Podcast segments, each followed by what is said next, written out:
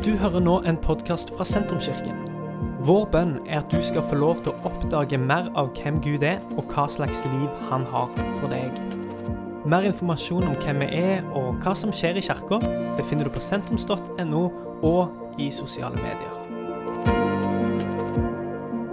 Vi er inne i denne serien om lang lydighet, eh, om disippelliv i en øyeblikkskultur. Den pågår hele denne høsten, der vi tar utgangspunkt i Salme 120 til Salme 134, som er salmene til festreisende. Disse salmene som, eh, som, eh, som, troende jøder brukte når de da tre ganger i året skulle opp til Jerusalem for å tilbe og for å feire høytiden. Hver av disse salmene har noe å fortelle oss om livet og om hva det vil si å tro på Gud. Og Til sammen så legger de både et fundament for et liv som en troende, en som tror på Gud, og, et, eh, og gir retning for en disippel eller for en etterfølger som ønsker eh, å følge, eh, følge Jesus gjennom livet sitt. Og I dag skal vi lese Salme 125. og Overskriften for, for, for denne søndagen her er 'trygghet' at Herren han hegner om sitt folk. Eh, og eh, Ordet 'hegne' det er faktisk, det er faktisk såpass eh, det er, det er, såpass sjelden at det tror jeg nesten aldri jeg har brukt. Men eh, det betyr noe sånn som at Herren han favner om sitt folk. Han holder rundt sitt folk. Eh, han gjør sitt folk trygge. Når jeg var eh, 19 og 20 år, så bodde jeg fire måneder i India det var med å forme mitt liv eh, og forme mine 20 år mye. Eh, og En av de tingene som jeg gjorde i, eh, i, India, det var ikke akkurat det som forma livet mitt, men eh, det var å gå en lengre fjelltur. Eh, jo, det forma livet, det òg. Gå en lengre fjelltur i Himalaya. Eh, så for alle som er nysgjerrige på det Jeg har faktisk vært på 4000 meters høyde i Himalaya. Jeg har overnatta på 3500 Nei, på 4000 meters høyde har jeg overnatta. Eh, det var luksus. Eh, det, det, noen av de andre på teamet begynte å få litt høydesyke. Så, og klarte ikke å bære sekken. så Ung Kvammen måtte hive en av sekkene opp på, ekstra sekk opp på ryggen, sekk bakpå. Uh, gikk med to sekker oppe på 4000 meters høyde og overnatta i telt nær forbi en, på snøen nær forbi en isbre 4000 meter. eh, sa jeg det, forresten? 4000 meter over, over, over, havet. Mens vi gikk bortover der, så, så eh, Jeg må bare ta med en festlig detalj. og det var at vi, vi, vi, vi leide faktisk Utstyret var så tungt at vi leide med oss bærere. Eh, og eh, Bærerne de trodde jo ikke at vi skulle helt opp til 4000 meters høyde. De trodde vi kom til å snu fordi de visste det er snø der oppe. Og de stilte, med, de stilte faktisk med sandaler. Eh, og eh, Han som da var sjefen for denne turen, han sa til dem mange ganger vi skal altså, eh, ikke ha, eh, Ta sko, ikke sandaler. Vi skal helt opp Ja, ja, ja, nei, ikke noe problem. Ikke, så, så de, de, de, gikk faktisk, eh, de, gikk faktisk, opp med sandaler. De fikk låne sokker av oss når vi kom opp. Um, så hva var poenget med det? Jo, for det var snø. Og vi gikk på denne stien på snøen der. Mens vi gikk der, så var det ei av de på teamet som trødde litt feil. Og hun mista fotfestet. Og hun, hun sklei nedover snøen. Det var ganske skummelt, for det var ganske bratt. Eh, og eh, for de, hørte, eh, for de, som hørte, fortellingen min fra sist søndag, så var det ei på teamet som ropte 'stopp' i Jesu navn. Og så, stopp, og så, så, så, så stoppte det. Og hun fikk krabba seg opp, og da trødde vi enda litt mer forsiktig. Eh, på eh, ikke samme sted, men litt eh, oppe i Himalaya, så, eh, så Vi bodde oppe i en fjellby. Der i den fjellbyen var det veier. På veien så var det et så var det sånn rekkverk, eller sånn stabbesteiner, ganske bredt. Det var akkurat bredt nok til at det går å gå på dem. Eh, og det var ganske bratt ned. Så det pleide jeg å gjøre når jeg gikk der. Jeg var 20 år. Jeg pleide å gå og balansere på, de, på der, det rekkverket, egentlig. og så, så, når jeg hadde gjort det mange ganger nok, så så jeg at det var en plass selv om det var ganske bratt, så var det en plass der var to trær eh, som sto liksom ut. Så jeg tenkte her går det faktisk an å hoppe ned og ta tak i de trærne. Så eh, det ser jo ganske farlig ut, men det er ikke farlig. Så jeg eh, eh gikk forbi der og hoppet ned og, eh, og eh, bomma litt. og raste ned. Og forstua foten min og kunne ikke trø på den i ei uke. Det kunne blitt skikkelig farlig, men det ble det, det, ble det ikke. begge disse fortellingene her er en måte å se på et liv som kristen som en litt sånn farlig fjelltur. Der, eh, og eh, For å være ærlig så må jeg jo si at hvis eh, det å være kristen var en farlig fjelltur, så er det ikke noe med det som skremmer meg vekk fra å være en kristen. For en farlig fjelltur syns jeg kan være ganske, kanskje ganske attraktivt. Men, men, men det er noe med det bildet som skurrer at, at, hvis det å være en kristen er sånn at en går på den der stien på snøen oppe i Himalaya, og et lite sånn ubevisst feilsteg, så, voff, så raser du ned, og så faller du ned, og så faller du fra. Eller som for min del, som da idiot som jeg var, 20 år gammel, som skulle, jeg ikke vet jeg hvem jeg prøvde å imponere meg sjøl eller noen andre som så, som, som går bortover og sier ja, jeg kan hoppe ned og ta tak i de eh, trærne der, og så ser det skikkelig farlig ut. Det var skikkelig farlig, og det var skikkelig idiotisk. Eh, et, et bevisst steg. Og så, eh, og så farer en utenfor. Vekk fra troen, vekk fra Gud det gjør det veldig sårbart hvis et øyeblikks sårbarhet, et øyeblikks konsentrasjonssvikt, et øyeblikks idioti eller et lite dytt, så er en utenfor. En slik måte å se et kristent liv på gjør oss utrygge. For hva skjer om jeg faller? Hva skjer om jeg trør feil? Vil jeg rase utenfor? Er det noen som tar imot meg? Kommer jeg meg opp igjen? Det er spørsmål som kanskje særlig unge kristne har, eh, kan slite med. Spørsmål som er jeg virkelig kristen? Hva om jeg er utenfor? Er jeg en frafallen? Hva om jeg blir frafallen? Trygghet det er noe som av det aller første som må være på plass for barn. Når en er trygg, så kan en utforske verden. Når hjemmebasen er trygg, så kan en våge ting utenfor. Vesna, kona mi, hun jobber i barnehage, og der snakker en om trygghetssirkelen. At Først så må en for barn etablere en sånn trygghetssirkel. Og det er en trygghets, en base som en kan trekke seg tilbake til når en, når, når en kutter seg i fingeren. ja, men Da, springer en til trygghetssirkelen og får, får, får uh, plaster. Og Hvis du får plaster med Supermann på, så gjør det ingenting vondt i det hele tatt eller noe. Det har skjedd noe dumt. En griner, en springer til der en er trygg. Og når en har det sånn, så kan en ut og så kan en leve livet sitt der, men så har en en trygg base og som gjør at en kan bli trygg på seg sjøl. Eh, og en kan utforske verden. Den Trygghetssirkelen den etableres av foreldre. Og den etableres av andre trygge voksne som gir kjærlighet og som gir tilstedeværelse en grunnvoll for et selvstendig voksent menneske det kommer gjennom trygghet. Ikke bare barn trenger trygghet. Voksne trenger òg trygghet. Og Salme 125 det handler om trygghet i Gud. Og Vi skal lese sammen. De som stoler på Herren, de er lik Sionfjellet. Det rokkes ikke, men står for evig. Som fjellene omgir Jerusalem, slik hegner Herren om sitt folk fra nå og til evig tid. Gudløshets kongestav skal ikke hvile på landet de rettferdige fikk tildelt, for at ingen rettferdig skal rekke ut hånda og gjøre det som er ondt. Herren gjør godt mot de gode, mot dem som har et oppriktig sinn. Men Herren sender fra seg dem som slår inn på krokveier, og dem som farer med ondskap.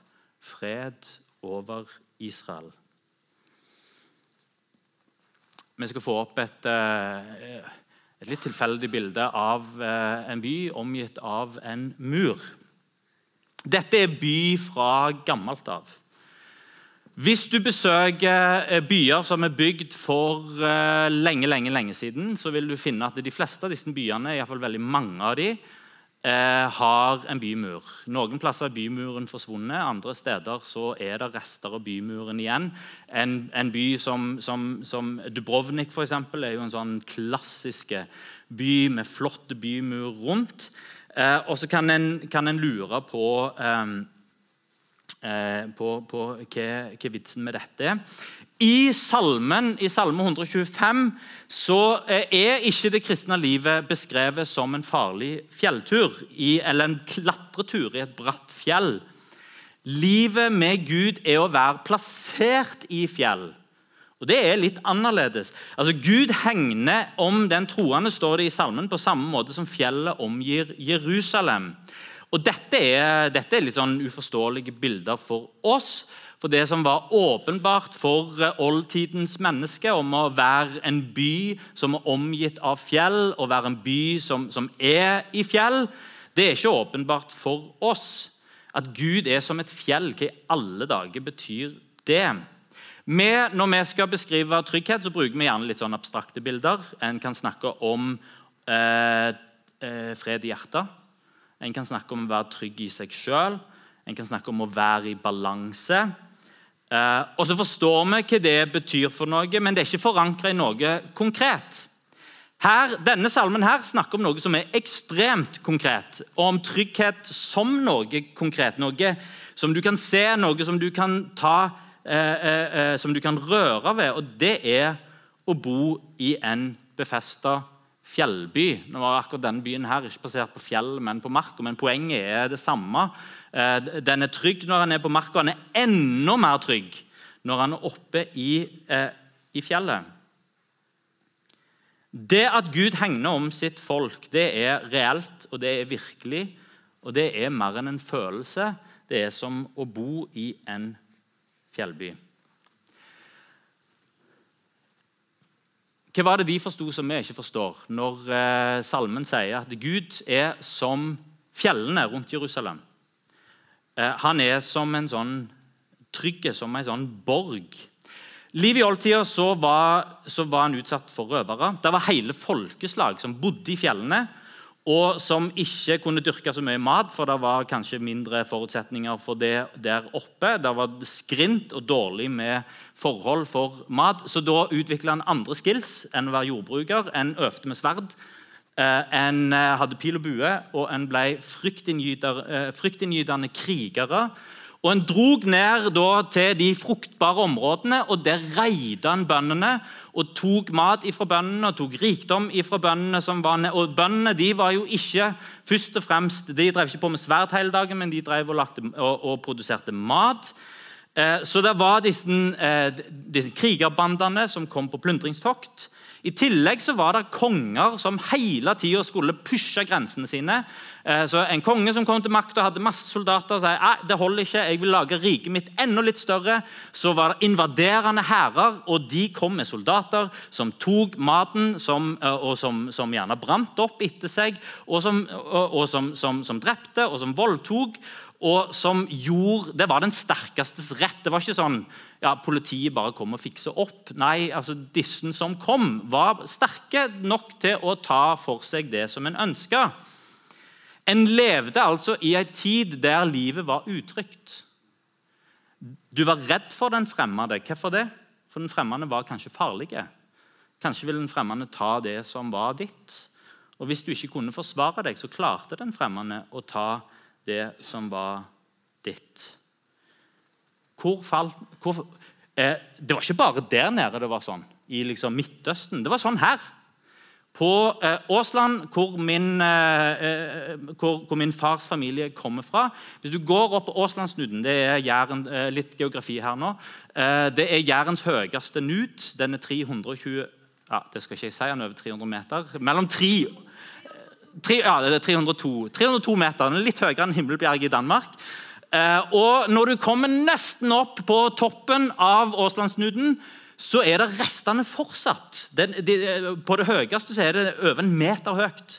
Og, og ganske bredt òg, mer enn en meter bredt, så er det rester etter Bygdaborg.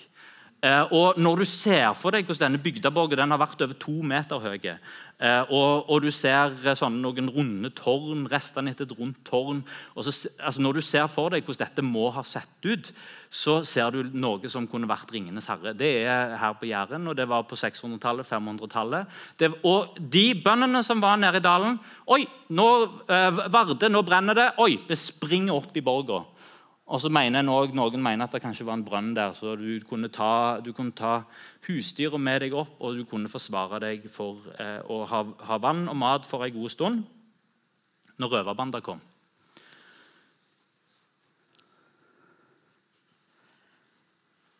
De fremmede, de menneskene i oldtida, brukte enorme tid og krefter på å bygge murer. Ikke fordi at byen skulle bli kul og pen, men fordi det trengtes. Vi lever ikke lenger i en tid hvor vi trenger det for trygghet. Men vi gjør noe. Vi beskytter oss òg mot verden. Vi bygger sosiale nettverk for å beskytte oss mot de andre.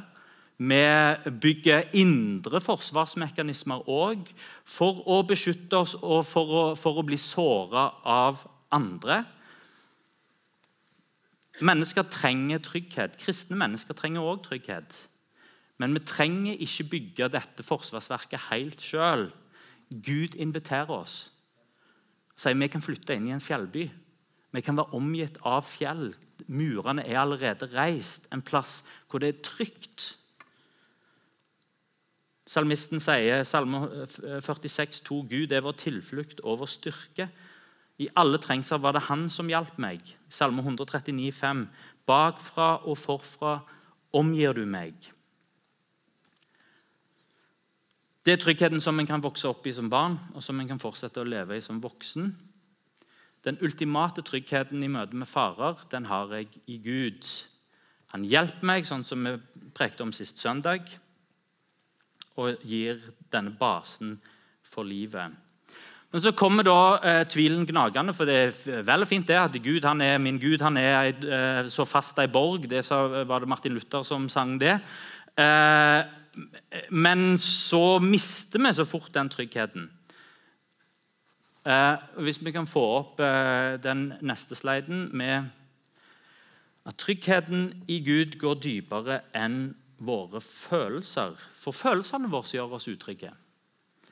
Martin Luther han hadde et dårlig forhold til sin far. Dette overførte Han til, han var redd faren sin. Så overførte han det til Gud og ble redd for Gud. Redd for at Gud skulle straffe ham redd for at han ikke var god nok, redd for ikke å ha gjort ting rett nok. Prøvde desperat å leve et liv som Gud var fornøyd med. Og så oppdagde Martin Luther tryggheten i Gud og frelsen gjennom tro. Og Det kan være lignende ting som vi møter på, som får oss til å tvile på at en er trygg hos Gud, som gjør oss redd for å falle ifra.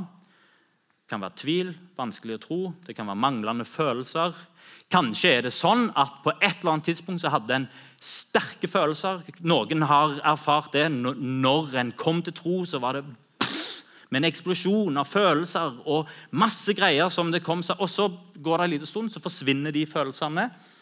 Eh, så, så, så følelseslivet og hva vi føler i forhold til Gud, det kan, gå, det kan gå opp og ned. Gud kan føles langt vekke. Og Den menneskelige erfaringen er at ingenting i livet er rett fram. Ting skjer sjelden akkurat sånn som vi så for oss at det skulle gjøre. Livet tar en annen endring, kan, eh, tar en annen retning enn det vi så for oss. Så Vi kan komme opp i situasjoner, både sånn situasjon sånn, sånn som, jeg, eh, som, jeg, befant meg i, det sjøl påført, der en bare pff, gjør noe idiotisk. Så hva i alle dager tenkte du når du gjorde det? Eller som den jenta på, på, uh, på, uh, på gruppa vår når vi gikk opp i Himalaya, som, bare, som, som, som, sklei og som, som, som, foda seg litt feil, og som trødde litt feil. Og så kan det være påført oss av andre. Alt i alt så er den menneskelige erfaringen at livet ikke er enkelt. Og følelsen som kanskje kan komme snikende når han har surra seg inn i noe som ikke var planlagt, hva er det? Har Gud forlatt meg? Hvor er Gud hen? Er jeg innenfor nå? Sklir jeg vekk? Faller jeg fra? Følelsene spiller oss et puss. og forteller at Gud er fjern. Kanskje følelsene til og med så sår tvil om Guds eksistens. Jeg har lyst til å si det denne søndagen, at tryggheten i Gud den er mye, mye mer solid enn våre følelser. Den går mye dypere enn våre følelser. Hvordan kan vi vite det? Vi kan lese gjennom Bibelen. Og så kan vi lese Israels historie. Israel som gjennom Bibelen Guds folk. Eugene Peterson som jeg har sitert mange ganger denne høsten, han kaller Israels historie for en hakkete historie. Den, den, går på ingen måte rett fram. Den er der og der, og så går der og så, og så her. Eh, og der er, I det ene øyeblikket så, så, de, eh, så, inngår de en pakt med Gud. Og med Gud, vi skal være tro mot deg. Og I det andre øyeblikket så danser de rundt gullkalven og, eh, og, og finner seg andre guder. I det ene øyeblikket så, er, så tilber de Gud i tempelet. I det andre øyeblikket så tilber de fruktbarhetsgudene som naboene tilba. Og, her, her, og Du ser det samme med disiplene til Jesus. Peter, i det ene øyeblikket Jesus, jeg skal følge deg hvor enn det skulle være. I det andre øyeblikket banner på at han ikke vet hvem den mannen er. Hakkete historie. Og vet du, Hvis du leser denne historien, så vil du si at Gud er aktive. Han gir formaninger. Han sender profeter som preker omvendelse. Han beskytter de og holder sin hånd over de. Han gir nåde og tilgivelse. Han sender dom, og han sender til og med eksil. Men så tar han tilbake igjen fra eksil og hjelper de hjem igjen. Han er midt iblant de, han oppmuntrer de, han refser de, han ser med velbehag på de, han blir sinte på de. Det er hele denne eh, si, sulamitten av følelser og engasjement som Gud er engasjert i. og Alt dette her ser vi gjennom historien. Og det er én ting, men det er en ting som ikke er hakkete, som forblir gjennom hele historien. Det er historien om Guds folk. Tryggheten i Gud går dypere enn til og med den hakkete historien, som går litt her og litt der. Det er forankra i noe som er dypere. Det er dypere enn følelsene. Den er forankra i Gud og ikke i meg. Som fjellene omgir Jerusalem, slik hegner Herren om sitt folk fra nå til evig tid. Og Eugene Petersen han skriver dette. Min trygghet baseres på hvem Gud er, ikke på hva jeg føler. Disippelskap er et valg om å leve etter det jeg vet om Gud, ikke etter det jeg føler for Han eller meg sjøl eller andre. Trygghet i Gud det holder i møte med smerte og lidelse. Gudløshetens kongestav skal ikke hvile på landet de rettferdige får tildelt, står det i Salme 125, for at ingen rettferdig skal rekke ut hånda og gjøre det som er ondt. For smerte og lidelse er en annen ting som gjør oss utrygge. Det uventa skjer. Det som ikke skulle skje, det skjer. Fæle ting, urettferdige ting. Eh, når en tar det inn over seg, så er det, det er litt som og kanskje det er et bilde som, som vi kan kjenne igjen ja, ja, Vi kjenner det ikke igjen her på, på Jæren og Flate Rogaland, eller Flate kystdelen av Rogaland. Men for de som bor på Vestlandet eh, og bor med et rasutsatt fjell, så vet en på en måte eh, Det kan være ras om sommeren eller høsten, eller hva tid, eh, det vil helst på høsten når det regner mye, eller kanskje på våren òg. Eller på våren, da er, det, da, er det gjerne, da er, det, gjerne, snø som kan rase nedover. En vet ras går der, ras går der. Spørsmålet er når kommer raset og tar huset mitt. En lever unna en sånn usikkerhet.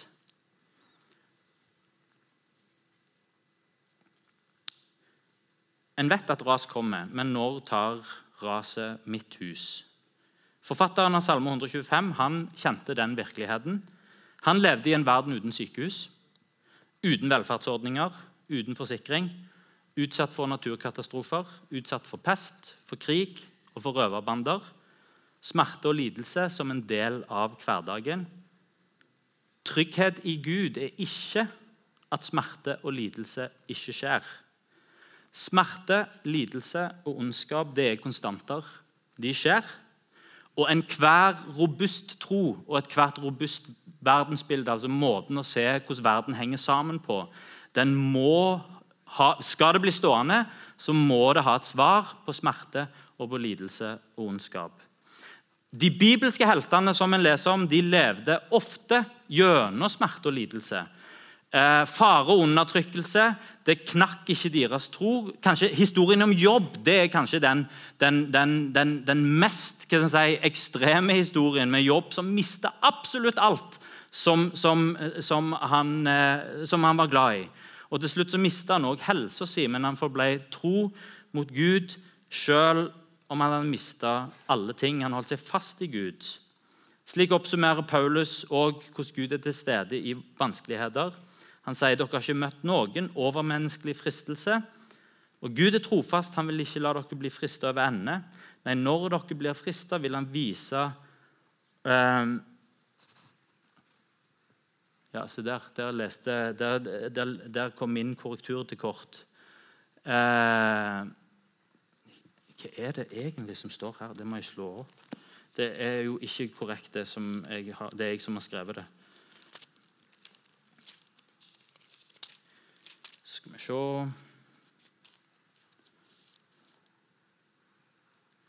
Ja, ja, ja. Så vi eh, en utøver, vise en utvei, selvsagt. Slik at dere kan holde ut.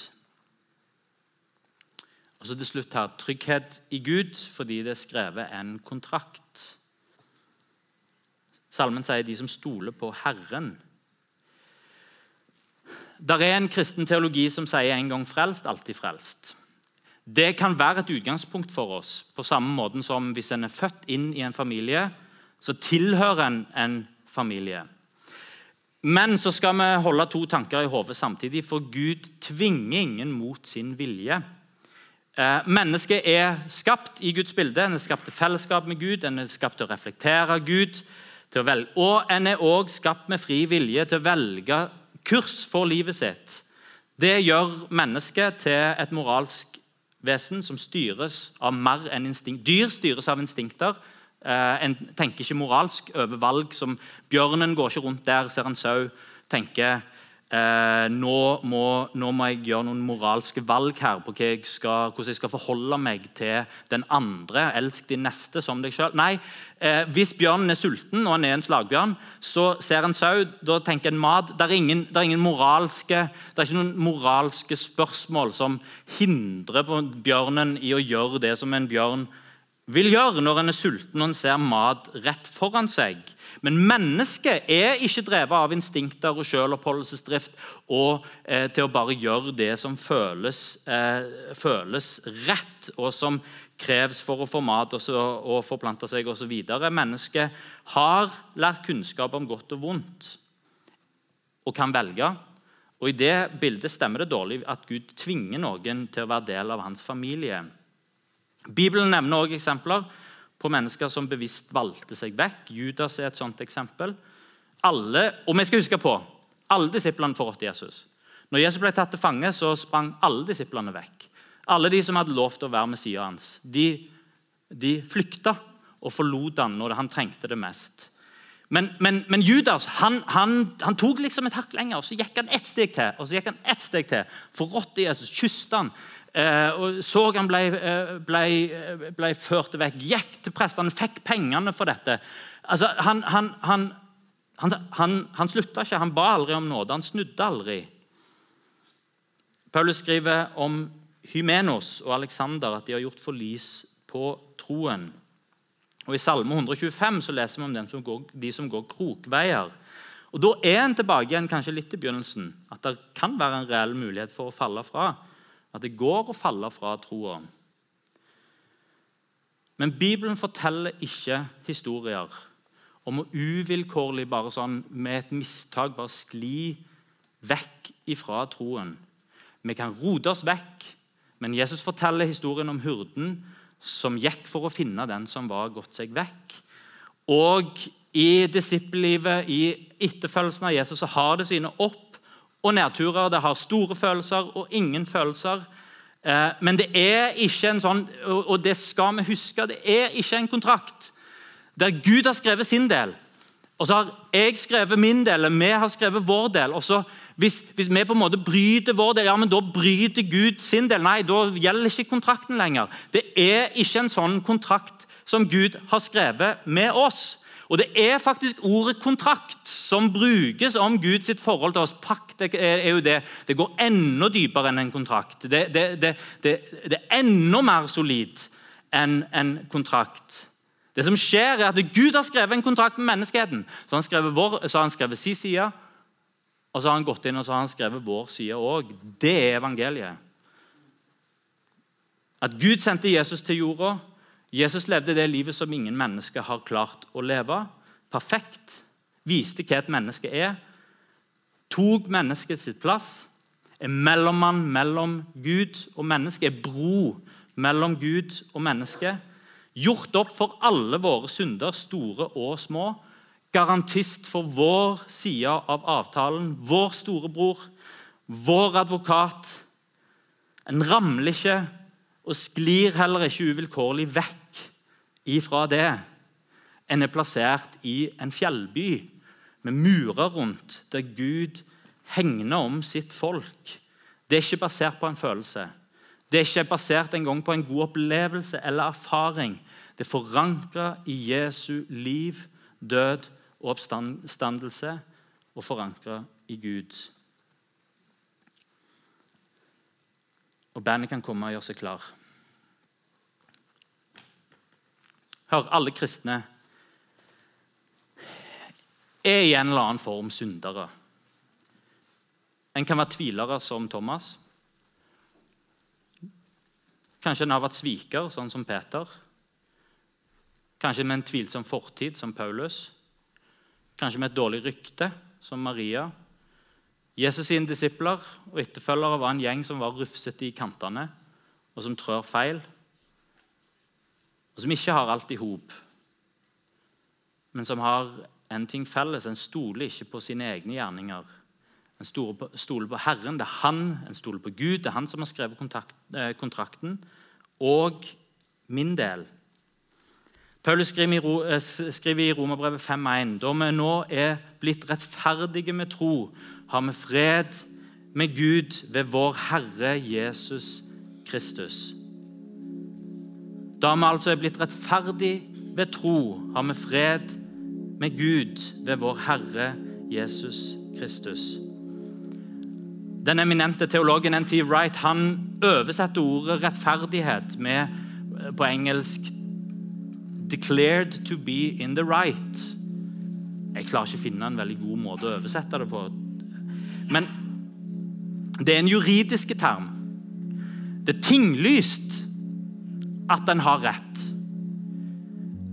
Og eh, tinglysning, hvis jeg har forstått det rett, så er jo altså, når du har kjøpt et hus, så får du det tinglyst. Alle vet på en måte ja, det er ditt hus, det er tinglyst.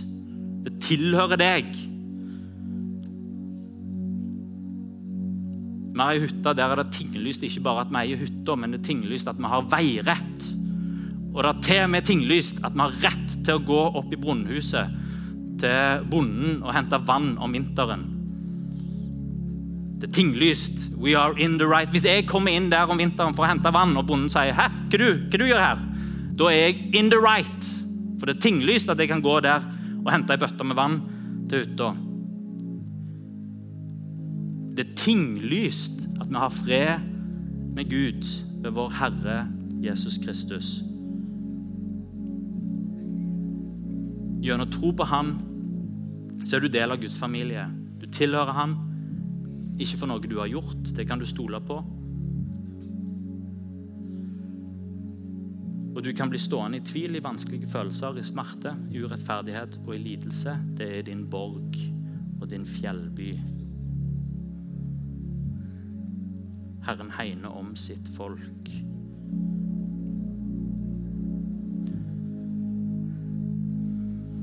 Lese til slutt et sitat av Eugene Petersen. Troens vandring eller denne festreisen, å klatre stigningen mot Kristus, kan være krevende, men han er bekymringsfri. Været er kanskje stritt, men aldri dødelig. Kanskje sklir vi, ramler og faller, men tauet, livlina, livlina, den holder. Vi trenger den tryggheten. Tryggheten i Gud er at det, det er ikke hvor flink du er.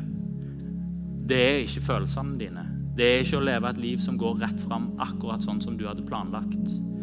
Gud han er ei solid fjellborg, og du kan plassere ditt liv i han. Og han hegner om deg i alle livets opp- og nedturer og i vår hakkete historie. Kan vi ta oss og reise oss? Dette er slutten på denne podkastepisoden. Har du spørsmål om Jesus, om tro, om livet, så er du hjertelig velkommen til å ta kontakt med oss via sentrums.no.